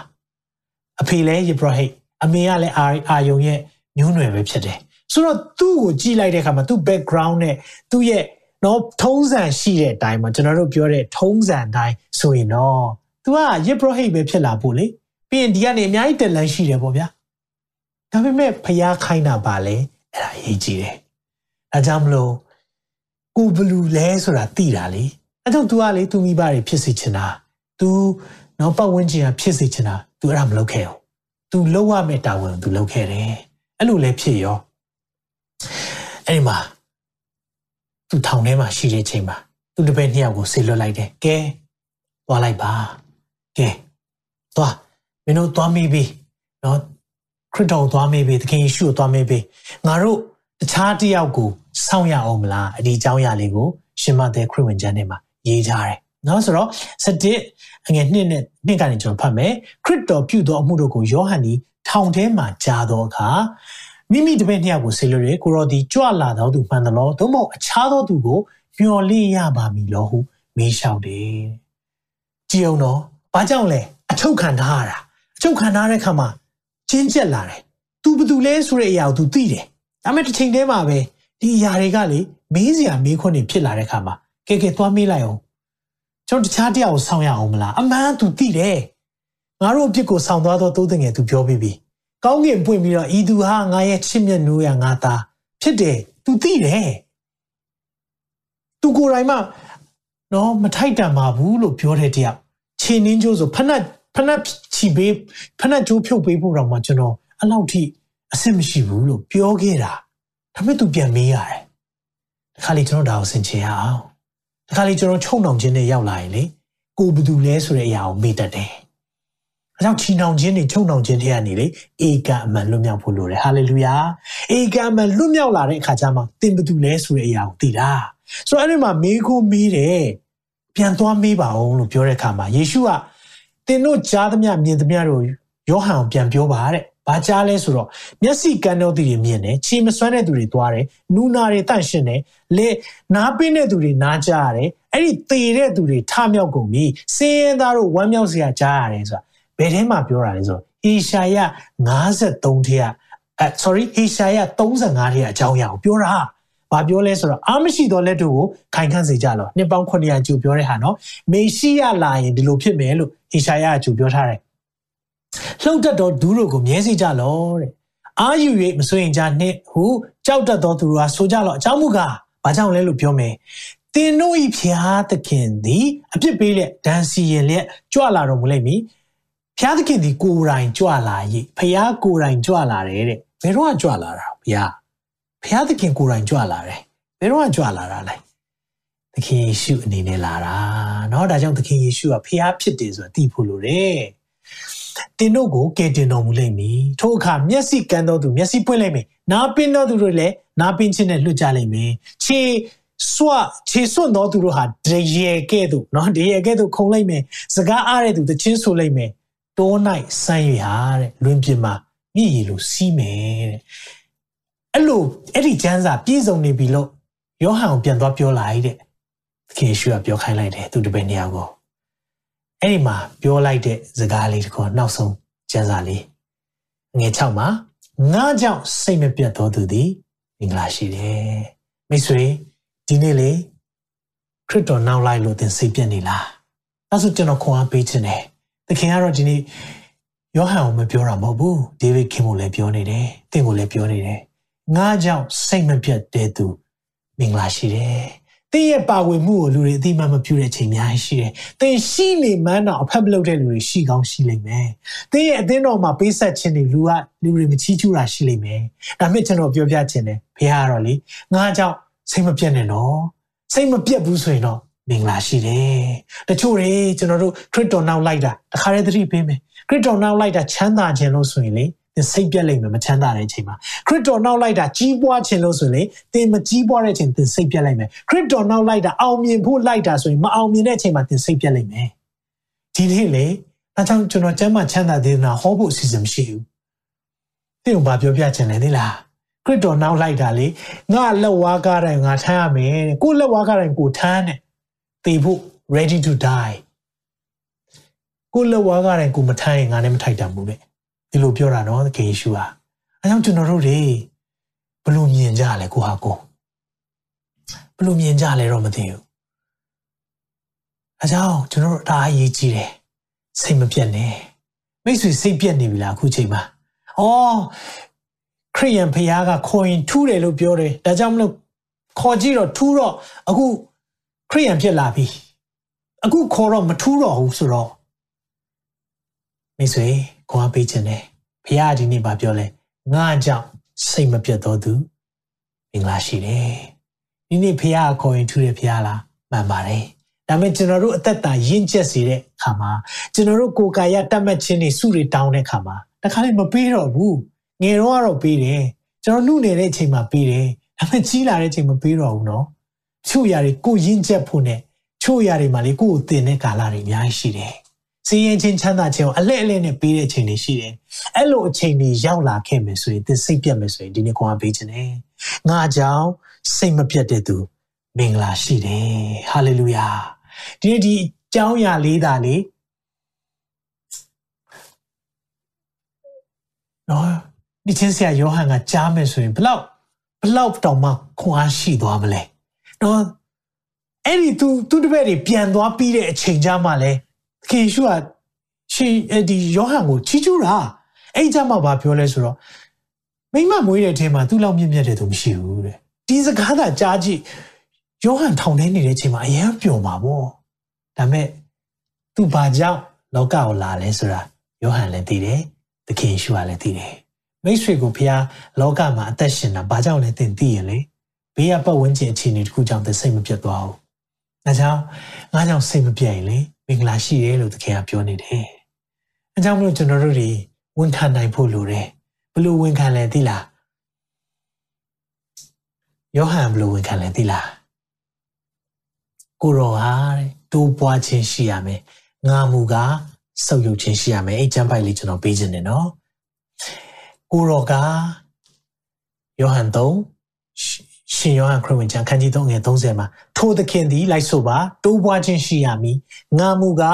စုပ်ယုပ်ခြင်းရှိရမည်အာမင်သခင်ကတိုးပွားခြင်းရှိရမယ်တဲ့ငါကစုပ်ယုပ်ခြင်းရှိရမယ်ဘယ်သူကြိုက်လဲအဲ့ဒီဆူတောင်းချက်သူမှမကြိုက်ဘူးကျွန်တော်ဘယ်လိုပြောလဲသေးလားကိုရောကြွယ်ဝတဲ့အတိုင်းကျွန်တော်တို့ကြွယ်ဝပါစေကိုရောကြီးမြတ်တဲ့အတိုင်းကျွန်တော်တို့ကြီးမြတ်ပါစေဒါမှကျွန်တော်တို့ကိုရောကျွန်တော်တို့ကြီးမြတ်တာကျွန်တော်တို့ချမ်းသာတာကျွန်တော်တို့အောင်မြင်တာမြင်လူတွေ ကိုရောကိုတွေ့မယ်နော်အဲ့လိုမဟုတ်ဘူးကိုရောရဲ့နှိမ်ချခြင်းတွေရောတင့်ထဲကမမြင်စေချင်ဘူးလားကိုရောရဲ့တီးခန့်ခြင်းတွေရောတင့်ထဲကနေမမြင်စေချင်ဘူးလားကိုရောရဲ့နှိမ်ချခြင်းတွေရောကိုရောရဲ့စီးရင်ခံခြင်းတွေရော suffering ဒီနေ့လေချမ်းသာကြွယ်ဝခြင်းကြောင့်ဟောတာသိလွယ်တယ် prosperity gospel လို့ခေါ်တယ်ကျမ်းမာချမ်းသာဒေသနာလို့ခေါ်တယ်အဲ့ဒါဟောရတာသိလွယ်တယ်ဘာလို့ခွာရှိတာအားတွေတက်တယ်ဒါပေမဲ့တကယ်တော့လေ အစင်းကိုဘိမ့်တက်ပေးတာနဲ့အတူတူပဲတခါလေးမှာကျွန်တော်တို့ကိုလေဘုရားကလေ suffering ဆိုတဲ့နာကျင်ကြေကွဲခြင်းကိုသင်ရတာသိခက်တယ်ကိုလည်းမကြိုက်တဲ့အရာလူတူးမှမကြိုက်ဒါပေမဲ့ထိုသခင်ကတိုးပွားရမယ်တဲ့ငါဆုပ်ရရမယ်တဲ့ကျွန်တော်တို့ကြထိုသခင်တိုးပွားတယ်လို့ပဲကျွန်တော်လည်းတိုးပွားမယ်ကြည့်အောင်နော်ဒီနေ့လမ်းတော်ပြင်ဆင်တဲ့သူဖြစ်ဖို့ဘုရားလိုတော့ရှိတယ်သင်ဘုရားရဲ့လမ်းတော်ပြင်ဆင်တဲ့သူဖြစ်ချင်တယ်ဆိုရင်လေထိုသခင်တိုးပွားပါစေ သင်ဆုပ်ယုပ်ပါစေတနည်းအားဖြင့်ဒီနေ့နှုတ်ကပတ်တော်ခေါ်တဲ့အခါမှာဒေးဗစ်ကင်ကိုမြင်သွားဖို့မဟုတ်ဘူးဒီနေ့ဒေးဗစ်ကင်ပြောတဲ့ထေကနေသခင်ကိုမြင်သွားဖို့ဖြစ်တယ်အင်ဒီယာလေးကိုယုံကြည်သူများနားလဲပါနော်တော့ကြွယ်ဝချမ်းသာခြင်းကိုကျွန်တော်အပြစ်ပြောတာမဟုတ်ဘူးကြွယ်ဝချမ်းသာဖို့ဘုရားလိုတော့ရှိပါတယ်ကျမ်းမာဖို့ဘုရားလိုတော့ဒါကြောင့်လည်းကျွန်တော်ဆုတောင်းပေးနေတာဒါပေမဲ့တစ်ချိန်တည်းမှာပဲအဲ့ဒီအရာတွေနဲ့သခင်ကိုအစားထိုးတတ်မိတယ်အစားထိုးသွားတတ်တယ်ဒါလေးကိုကျွန်တော်တို့သတိပေးနေတာ ဒီနေ့ဖခင်ကလေကျွန်တော်တို့ကိုချမ်းသာခြင်းဆင်းရဲခြင်းကိုအလှဲ့အလှဲ့နဲ့ပေးတတ်တယ်အဲ့လိုပေးတဲ့အခါမှာသင်ဘယ်လိုခံယူလဲဒါသိရေးကြည့်တယ်ဒါကြောင့်မလို့ကိုမျော်လင့်တဲ့အချိန်မှာမျော်လင့်တယ်လို့မဖြစ်လာရင်လေသခင်ပေါ်စိတ်မပြတ်နဲ့နော်တချို့တွေစိတ်ပြတ်နေတယ်တချို့တွေဒီထဲမှာဝိညာဉ်ထဲမှာခံစားနေတယ်တချို့ give up လုပ်ချင်နေပြီတော်ပြီတော်ပြီဒီဖះကိုကိုးကွယ်လဲမထူးဘူးလို့ခံယူနေတဲ့သူတွေဒီနေ့နောက်ဆုံးစကားစကားတစ်ခွန်းလေးသင်ကိုကျွန်တော်ပြောပြရစီဖះစီရလာတဲ့စကားဖြစ်တယ် ဖះပါပြောလဲငါအကြောင်းစိတ်မပြတ်တော်သူမင်္ဂလာရှိတယ်အမှုတော်ဆောင်စားရတာတိတ်ခက်ခဲလို့လူတွေကလည်းအတိမတ်မပြုတ်ဘူးစားဖို့တော့နိုင်နိုင်ဖြစ်နေတဲ့မိသားစုတွေဒီနေ့ဒီဟာခွာပေးချင်တယ်ငါကြောင့်စိတ်မဖြစ်တဲ့သူမင်္ဂလာရှိတယ်လို့ဘုရားပြောနေတယ်။တချို့တွေကျမ်းမာခြင်းအတွက်ဆုတောင်းတာနှစ်ပေါင်းများစွာကြာပြီအဲ့ရထဲမှာလဲတဲ့အခါမှာကိုတော့အော်နေပြီမတခါလေးမခေါ်နိုင်တော့ဘူး။ငါကြောင့်စိတ်မပြတ်တော်သူမင်္ဂလာရှိတယ်လို့ဘုရားပြောနေတယ်။အာတချို့တွေအယံကိုအောင်မြင်ခြင်းနဲ့စူးစမ်းတယ်အမျိုး မျိုးအမှန်ဖြစ်လာဘူးစိတ်ပြတ်တယ်လို့ဖြစ်လာတယ်။ငါကြောင့်စိတ်မပြတ်တော်သူမင်္ဂလာရှိတယ်လို့သခင်ကပြောနေတယ်။မိတ်ဆွေဒီနေ့မှလေဘုရားသင်ကိုသိချစ်တာ။အဲကြောင့်ကျွန်တော်တို့လောကမှာကြီးပွားချမ်းသာခြင်းကောင်းပါတယ်။တော့လောကမှာကြီးပွားချမ်းသာဖို့ရန်အတွက်လည်းဒီနေ့ဖခင်ကကျွန်တော်တို့ကိုပေးတဲ့အချိန်တွေအများကြီးရှိတယ်တချို့မသုံးတတ်တာရှိတယ်မထိမ့်သိမ့်တတ်တာရှိတယ်အောက်ခြေလွတ်သွားတာရှိတယ်ဒီနေ့ဖခင်ကလေကျွန်တော်တို့ကိုလေပြန်ပြန်ပြီးသူ့စီကိုဆွဲခေါ်နေတယ်မိတ်ဆွေ ဒီနေ့တင်းရဲ့လွတ်မြောက်ခြင်းကိုလေတပားသူလွတ်မြောက်ဖို့အသုံးပြုပါတင်းရဲ့ကြွယ်ဝချမ်းသာခြင်းကိုလေတပားသူအတွက်အသုံးပြုပါတင်းရဲ့အောင်မြင်ခြင်းလေတပားသူလွတ်မြောက်ဖို့တပားသူအောင်မြင်ဖို့အသုံးပြုပါအာမင်ဒါနဲ့စိတ်တော့မပြတ်နဲ့ငါကြောင့်စိတ်မဖြစ်တဲ့သူမင်္ဂလာရှိတယ်ဒီစကားကြားသွားပြီသူသိသွားပြီမရှိရပဲသိချသွားပြီဒါဆိုရင်သူတာဝန်ပြီးသွားပြီလားပြီးသွားပြီ အစေပဲသူတာဝန်ပြီးသွားပြီတာဝန်ပြီးလဲပြီးတာဘယ်လိုသိချလဲဟေရိုကလက်မယုံလွှတ်လိုက်တယ်။နေ့ရဲ့ကောင်လင်မမောင်မှာတင်ဖို့လာတယ်။တခါတည်းကောင်ဖြတ်တက်ခံရတယ်။စဉ်းစားကြည့်နော်။ဖះမှုတော်မြတ်ထဲမှာပါဝင်တဲ့သူဖះအကြံစီနဲ့မွေးလာတဲ့သူပါ။ဒီလိုတွေကြုံရတဲ့ခါကျတော့အချင်းစရာယောဟန်ရဲ့အသက်တောင်ကြည့်ရင်ဒီလူအောင်မြင်ရဲ့လား ကျွန်တော်မေးခွန်းမေးချင်တယ်ဒီနေ့မှာနှစ်ချင်းဆရာယောဟန်အောင်မြင်လားသူ့ ministry အောင်မြင်လား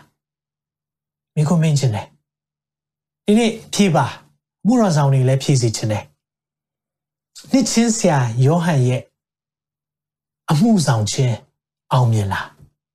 အဲ့ဒါအဲ့ဒီကအရေးကြီးတယ်နော်ဒီမေးခွန်းကသိအရေးကြီးတယ်အောင်မြင်လားအဲကြောင့်ကျွန်တော်နောက်ဆုံးချက်တာလေးနဲ့အဆုံးသတ်ခြင်းနဲ့အဲ့ဒါပါလဲဆိုရင်တော့ ဖယားအမြင်မှာတင်အောင်မြင်ဖို့ကပိုရည်ကြီးတယ်။ဖယားအမြင်မှာတင်အောင်မြင်ဖို့ကပိုရည်ကြီးတယ်လို့ပြောချင်တယ်။ဖယားအမြင်မှာတင်အောင်မြင်တယ်ဆိုတော့ဘာလဲ။ဒီနေ့ယောဟန်နဲ့ပတ်သက်ပြီးတော့ခင်ယေရှုရဲ့ပြောတဲ့စကားလေးကိုကျွန်တော်ပြချင်တယ်အဲ့ဒါပါလဲ။မဘာပြောလဲဆိုတော့မာသဲခရစ်ဝင်ကျမ်းခန်းကြီး7အငယ်7မှာငါအမှန်ဆိုဒီကမိမမွေးတော်သူတို့တွင်ဗတ္တိဇံဆရာယောဟန်ထက်ကြီးမြတ်တော်သူတယောက်မှမပေါ်မထွန်းသေး ကြည်အောင်ဘလောက်ဘလောက်မြင့်မြတ်လိုက်တဲ့စကားလဲဘလောက်ထိဝေါမိမမွေးတဲ့အထဲမှာလေဒီလောက်ကြီးမြတ်တဲ့သူ the greatest prophet တွေထဲမှာ greatest လူတွေထဲမှာမိမမွေးတယ်အကုန်မိမမွေးတာပဲအဲ့ဒီထဲမှာဒီလောက်မြင့်မြတ်တဲ့သူမရှိသေးဘူးတဲ့အဲ့လိုပြောချလိုက်တယ်မိတ်ဆွေစဉ်းစားကြည့်သခင်မျက်စိထဲမှာလေယောဟန်အောင်မြင်တယ်အယံအောင်မြင်တယ်ဒါပေမဲ့ သူ့ရဲ့ ministry သူ့ရဲ့အမှုဆောင်ခြင်းကလေကျန်တဲ့ပုဂ္ဂိုလ်တွေပြောတာ6လနဲ့တစ်နှစ်ကြားတယ်ပဲခဏလေးပဲပေါ်လာတာဒါပေမဲ့အဲ့ခဏလေးပေါ်လာတဲ့အချိန်မှာသခင်ခိုင်းတာအကုန်လုပ်သွားတယ်သခင်ဖြစ်စေခြင်းနဲ့ဟာအကုန်လုပ်သွားတယ်သူ့ဘဝရဲ့ရည်ရွယ်ချက်အတိုင်းလုပ်သွားတယ်လူတွေဖြစ်စေခြင်းတာမလုပ်ဘဲနဲ့ကိုရောဖြစ်စေခြင်းနဲ့အတိုင်းလုပ်သွားတယ်ကိုဖြစ်ခြင်းတာမလုပ်ဘဲနဲ့ကိုရောဖြစ်ခြင်းနဲ့အတိုင်းလုပ်သွားတယ်မိတ်ဆွေကိုမိကိုမေးခြင်းနဲ့သင်ဘဝအသက်ရှင်တာဘယ်နှစ်ရှိပြီလဲ ဒါပေမဲ့အဲ့ဒီနှစ်တွေအားလုံးထဲမှာသခင်အသက်ရှင်စေလိုတဲ့အတိုင်းလုပ်ပြီလားအဲ့ဒါဘိုးရေးကြီးတယ်အဲကြောင့်မလို့လေဟာအောင်မြင်ခြင်းအမှုတော်ဆောင်တယောက်အောင်မြင်နေဆိုကဘာပတ်မှအမှုတော်ဆောင်တယောက်အောင်မြင်နေဆိုရင် conference အများကြီးမှာဟောမှအကြကနာကျွန်တော်လာပြောဆရာကြီးအောင်မြင်နေတော့တဲ့ no ဒီနေ့ကျွန်တော်အောင်မြင်လားမအောင်မြင်လားလေယေရှုရဲ့ bema judgment ဆိုတဲ့ခရစ်တော်ရဲ့တရားပလင်ရှိရောက်မှသိရမှာ အဲ့ဒီချိန်ကျမှလေဒေးဗစ်ကင်မင်းရဲ့လောက်ရက်ဒီအများကြီးอ่ะလှုပ်ဖို့လူသေးတယ်လို့စကားသံကျွန်တော်ကြားမှာကြောက်ဆုံးပဲအကြောင်းနေနဲ့အောင်မြင်နေဆိုတာလေ no no ကဘာပတ်ခြင်းနဲ့လုံးဝမဆိုင်ဘူးကဘာမပတ်ခဲ့ဘူးယောဟန်ကဘာမပတ်ခဲ့ဘူးသူ့ရဲ့ ministry ကလည်း6နှစ်ကြာခဲ့တာမဟုတ်ဘူးနှစ်ပေါင်း60ကြာခဲ့တာလည်းမဟုတ်ဘူး6လ6လနဲ့တစ်နှစ်တစ်နှစ်တောင်မပြည့်လိုက်ဘူးအဲ့လောက်ပဲအလုပ်လုပ်ခဲ့တာ ဒါမဲ့ဖျားအမြင်မှာအောင်မြင်ဖို့ကပိုရေးကြည့်တယ်။အဲကြောင့်လေဒီနေ့သင်လူမျက်နာကိုကြည့်နေသေးလား။သင်လူတွေတတ်မှတ်တဲ့ success အောင်မြင်မှုထဲမှာရှိတာလား။လူတွေတတ်မှတ်တဲ့ကြော်ကြားမှုထဲမှာရှိနေသေးရလား။ဒါဆိုရင်တော့လေသင်တို့ဒီနေ့ခွန်အားပေးခြင်းတယ်။ဒီနေ့အိတ်ထဲကနေထွက်လာခဲ့။အဲ့သခင်ငါ့ကိုဂျင်းတ်ပြီလား။ကျွန်တော်အသက်တာကျမအသက်တာကိုရောဂျင်းတ်ပြီလား။ကိုရောဂျင်းတ်တဲ့ဘဝ ရှိပြီလားကိုတော့လောကမှာကျွန်တော်ကိုမွေးစေတာကျမကိုမွေးစေတဲ့ရည်ရွယ်ချက်တကယ်ပြည့်ပြီလားကိုတော့အဲ့ဒီဆူတောင်းချက်ကဘဝမှာအရေးကြီးဆုံးချို့တွေဆူတောင်းခံချက်တင်ပြလာတဲ့အရာလေးကြီးတဲ့အခါမှာအယံတနာမိတယ်ဘာလို့လဲဆိုတော့အရေးကြီးဆုံးဆူတောင်းခံချက်တွေကိုကျွန်တော်တို့ကမပြောဘူးဘဝရဲ့ရည်ရွယ်ချက် purpose အဲ့ဒီဘဝရည်ရွယ်ချက်မတွေ့တာလေလောကမှာသင်အိမ်ရှိရှိကားရှိရှိသင်သိလိမ့်မယ်တည့်ရကြရင်လေ သင်ဘလောက်ပဲအောင်မြင်ခဲ့တယ်လူတွေတတ်မှတ်တဲ့အောင်မြင်ခြင်းလောကရဲ့အောင်မြင်ခြင်းမှာရှိနေပြီပဲဒီသခင်ရဲ့အောင်မြင်ခြင်းသခင်မြင်တဲ့အမြင်နဲ့မြင်ဖို့လိုတယ်ရှင်ယောဟန်ကတော့ပြောလိုက်တယ်မိမမွေးတဲ့အထက်မှာဒီလောက်ကြီးမြတ်တဲ့သူမရှိဘူးအဲ့ဒါရဟအောင်မြင်တာသခင်စကားသခင်ရဲ့ချီးကျူးခြင်းအဲကြောင့်မိတ်ဆွေဒီနေ့လူတွေတတ်မှတ်တဲ့အောင်မြင်ခြင်းနဲ့မအောင်မြင်ခြင်းပါနဲ့ သခင်တတ်မှတ်တဲ့ဆန်နှုံးနဲ့သွားပါဟာလေလုယာပြန်ပြောမယ်နော်လူတွေတတ်မှတ်တဲ့အောင်မြင်ခြင်းနဲ့မသွားဘဲနဲ့သခင်တတ်မှတ်တဲ့ဆန်နှုံးနဲ့သွားပါသခင်တတ်မှတ်တဲ့ဆန်နှုံးကပါလေလောကတိုင်းထားမိလိုက်တပည့်တော်ဖြစ်ခြင်းဒီနေ့လူရဲ့မျက်နှာကြည့်သေးတယ်ဆိုရင်ဒီနေ့ရှင်ပေါလုကလည်းကျွန်တော်တို့ကိုသတိပေးထားတာရှိတယ်အဲ့ဒါလေးဖတ်ပြီးတော့ကျွန်တော်ဆုံးသတ်မယ် ဂလာတိ1:10မှာဒီလိုပြောတယ်အကြောင်းမူကားယခုတွင်ငါသည် လူတို့၏အလိုတို့လိုက်သလောဖျားသခင်အလိုတို့လိုက်သလောဖျားဖြစ်ချင်တာလားငါလူဖြစ်စေချင်တာလားလူတို့စိတ်ကိုနူးညွတ်စေခြင်းကရှာကြသလောလူတွေစိတ်ပျော်ဖို့ပဲလုပ်ပေးနေသေးတာလားလူတို့စိတ်ကိုနူးညွတ်စေခြင်းကရှာကြံသေးလေခရစ်တော်၏အစေခံကြောမဟုတ်ပြီဒီနေ့ဒါအမှုတော်ဆောင်တွေကိုပဲပြောနေမှာမဟုတ်ဘူးနော်သင်ဟာယုံကြည်သူဖြစ်တယ်ဆိုသင်အမှုတော်ဆောင်ဖြစ်တယ် သင်ရှိတဲ့နေရာမှာသင်အမှုတော်ဆောင်လို့ရတယ်ကျွန်တော်ဒီကနေ online မှာဟောတယ်ဒါပေမဲ့သင်အလုပ်မှာကျွန်တော်ဟောလို့မရဘူးသူဟောမလဲသင်ဟောရမှာသင်မိသားစုမှာတချို့နားမထောင်သူဟောမလဲသင်ဟောရမှာအဲကြောင့်သင်ဟာအမှုဆောင်ဖြစ်တယ်ရှိတဲ့နေရာမှာအမှုဆောင်တတ်ဖို့လိုတယ်ကျမ်းစာကြောင့်တက်ပြီးတရားဟောတော့ပြောတာမဟုတ်ဘူးသင်ကိုဖျားပေးထားတဲ့အစွမ်းစားတွေအသုံးပြုပြီးတော့အသက်ရှင်မှုပြောတာဒါပေမဲ့သင်လူရဲ့အလိုဆောင်သေးရင်တော့ဒီနေ့ကိုယ်ကပေးခြင်းတယ် ဖျားရဲ့မျက်နှာကိုပဲကြည့်ရအောင်ဒီနေ့သင်တသက်လုံးထာဝရကာလရင်ဆိုင်ရမယ့်မျက်နှာသခင်မျက်နှာသူ့အာမနာဟုတ်လားကျွန်တော်လေလူတွေကိုအားနာတာထက်ကိုရောရအားနာတယ်ကျွန်တော်လုပ်တဲ့အရာကိုရောအကြံစီမဟုတ်ဘူးဖြစ်သွားမှသိအားနာတယ်ဒါကြောင့်ကျွန်တော်နှုတ်ကပတ်တော်ပြင်ဆင်တယ်ဝင်ငါတယ်ကျွန်တော်အမြဲတမ်းပြောရရရှိတယ် ဒီနေ့ကကျွန်တော်ရဲ့တရားဟောခြင်းနောက်ဆုံးဖြစ်သွားမယ်ဆိုရင်ဒီနေ့ကျွန်တော်တာဝန်ကြီးခြင်းတယ်ဒါဟာကျွန်တော်ရဲ့နောက်ဆုံး last message ဖြစ်မယ်ဆိုရင်အဲ့ဒီစိတ်နဲ့ကျွန်တော်အမြဲတမ်းတရားဟောတယ်ပြင်ဆင်တယ်။ကြောင့်မိတ်ဆွေဒီနေ့ခေါ်ပေးခြင်းတယ်မိတ်ဆွေရဲ့သက်တာမှာ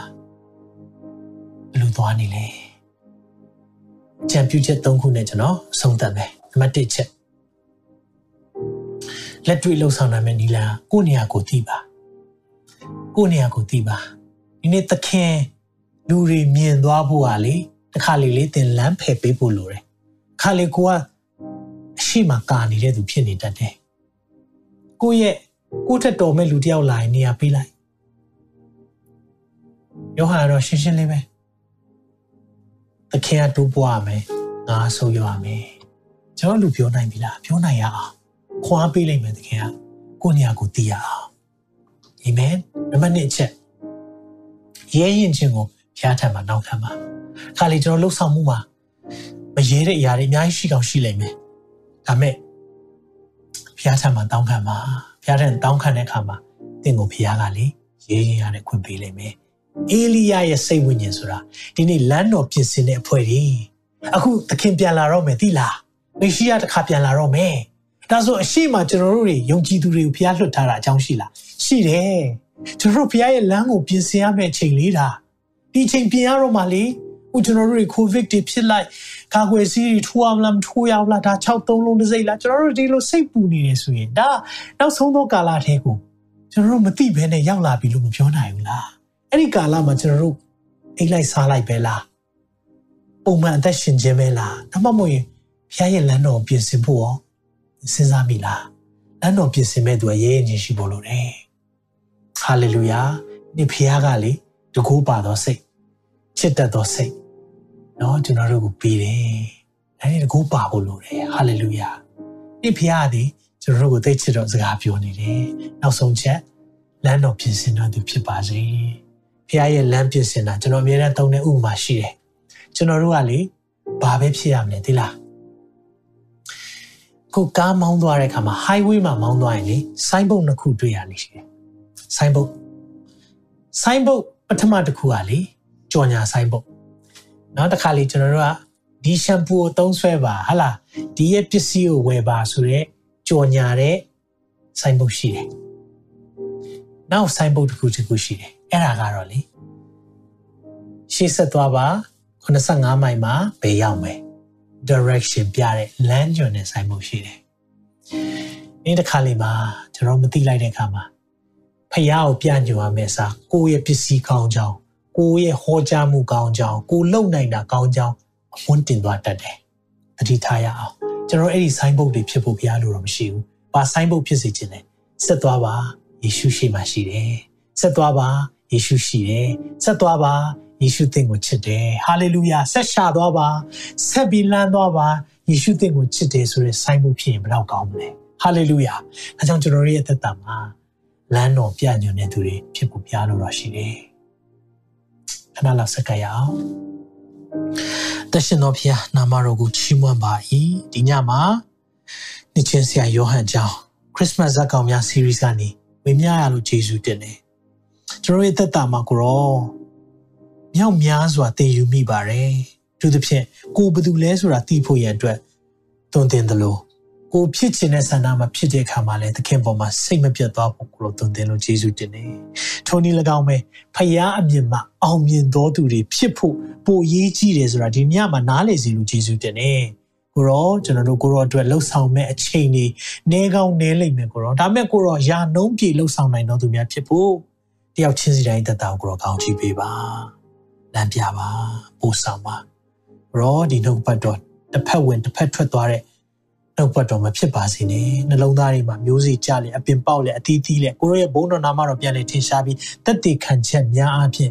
လူတွေကိုခွန်အားဖြစ်စေတဲ့နှုတ်ပတ်တော်ဖြစ်စေပါလက်ဝင်နာအပ်တဲ့ကိုရောရဲ့လမ်းပြခြင်းနဲ့ကြွယ်ကခြင်းကိုဒီညမှာတောင်းခံပါတယ်လူတော်ဟာကောင်းကင်ဘုံမှာပြည့်စုံခဲ့သော online မှာကြည့်ရှုနေကြတဲ့သူများအရောက်စီတိုင်းပေါ်မှာလည်းပြည့်စုံပါစေ။ကြီးမြတ်တဲ့ဖျားရှင်နာမတော်ချီးမွမ်းသားရမည်ယေရှုနာမ၌စက္ကန့်နဲ့ဆုတောင်းကြပါ၏ပါ။အာမင်။အာမင်။အာမင်။ဖျားရှင်ကောင်းမြတ်တဲ့ဖျားရှင်ပို့ဆောင်တဲ့အရာအတွက်ယေရှုတင်တဲ့ဖျားရဲ့ကွယ်ကာခြင်းမာစာခြင်းနဲ့ညီသက်ခြင်းဆုကျေးဇူးများတင်တဲ့တင်မိသားစုပေါ်မှာတည်ရောက်ပါစေလို့ဆုမကောင်းတောင်းလိုက်ပါတယ်။ရောက်စီတိုင်းဖျားရှင်ကောင်းချီးပေးပါစေ။ တင်ခုလိုနာဆင်ခွန်အားနိုင်ခြင်းဟာမြန်မာ Worship Ministry ကိုလာဆင်ပန်ပိုးနေကြတဲ့ Kingdom Partners များအကြောင်းဖြစ်ပါတယ်။ဖျားခင်နိုင်ငံတော်ကျယ်ပြန့်ရေးအတွက်လာဆင်ပေးကမ်းပောင်းဖို့ရန်ဖိတ်ခေါ်လိုပါတယ်ရှင်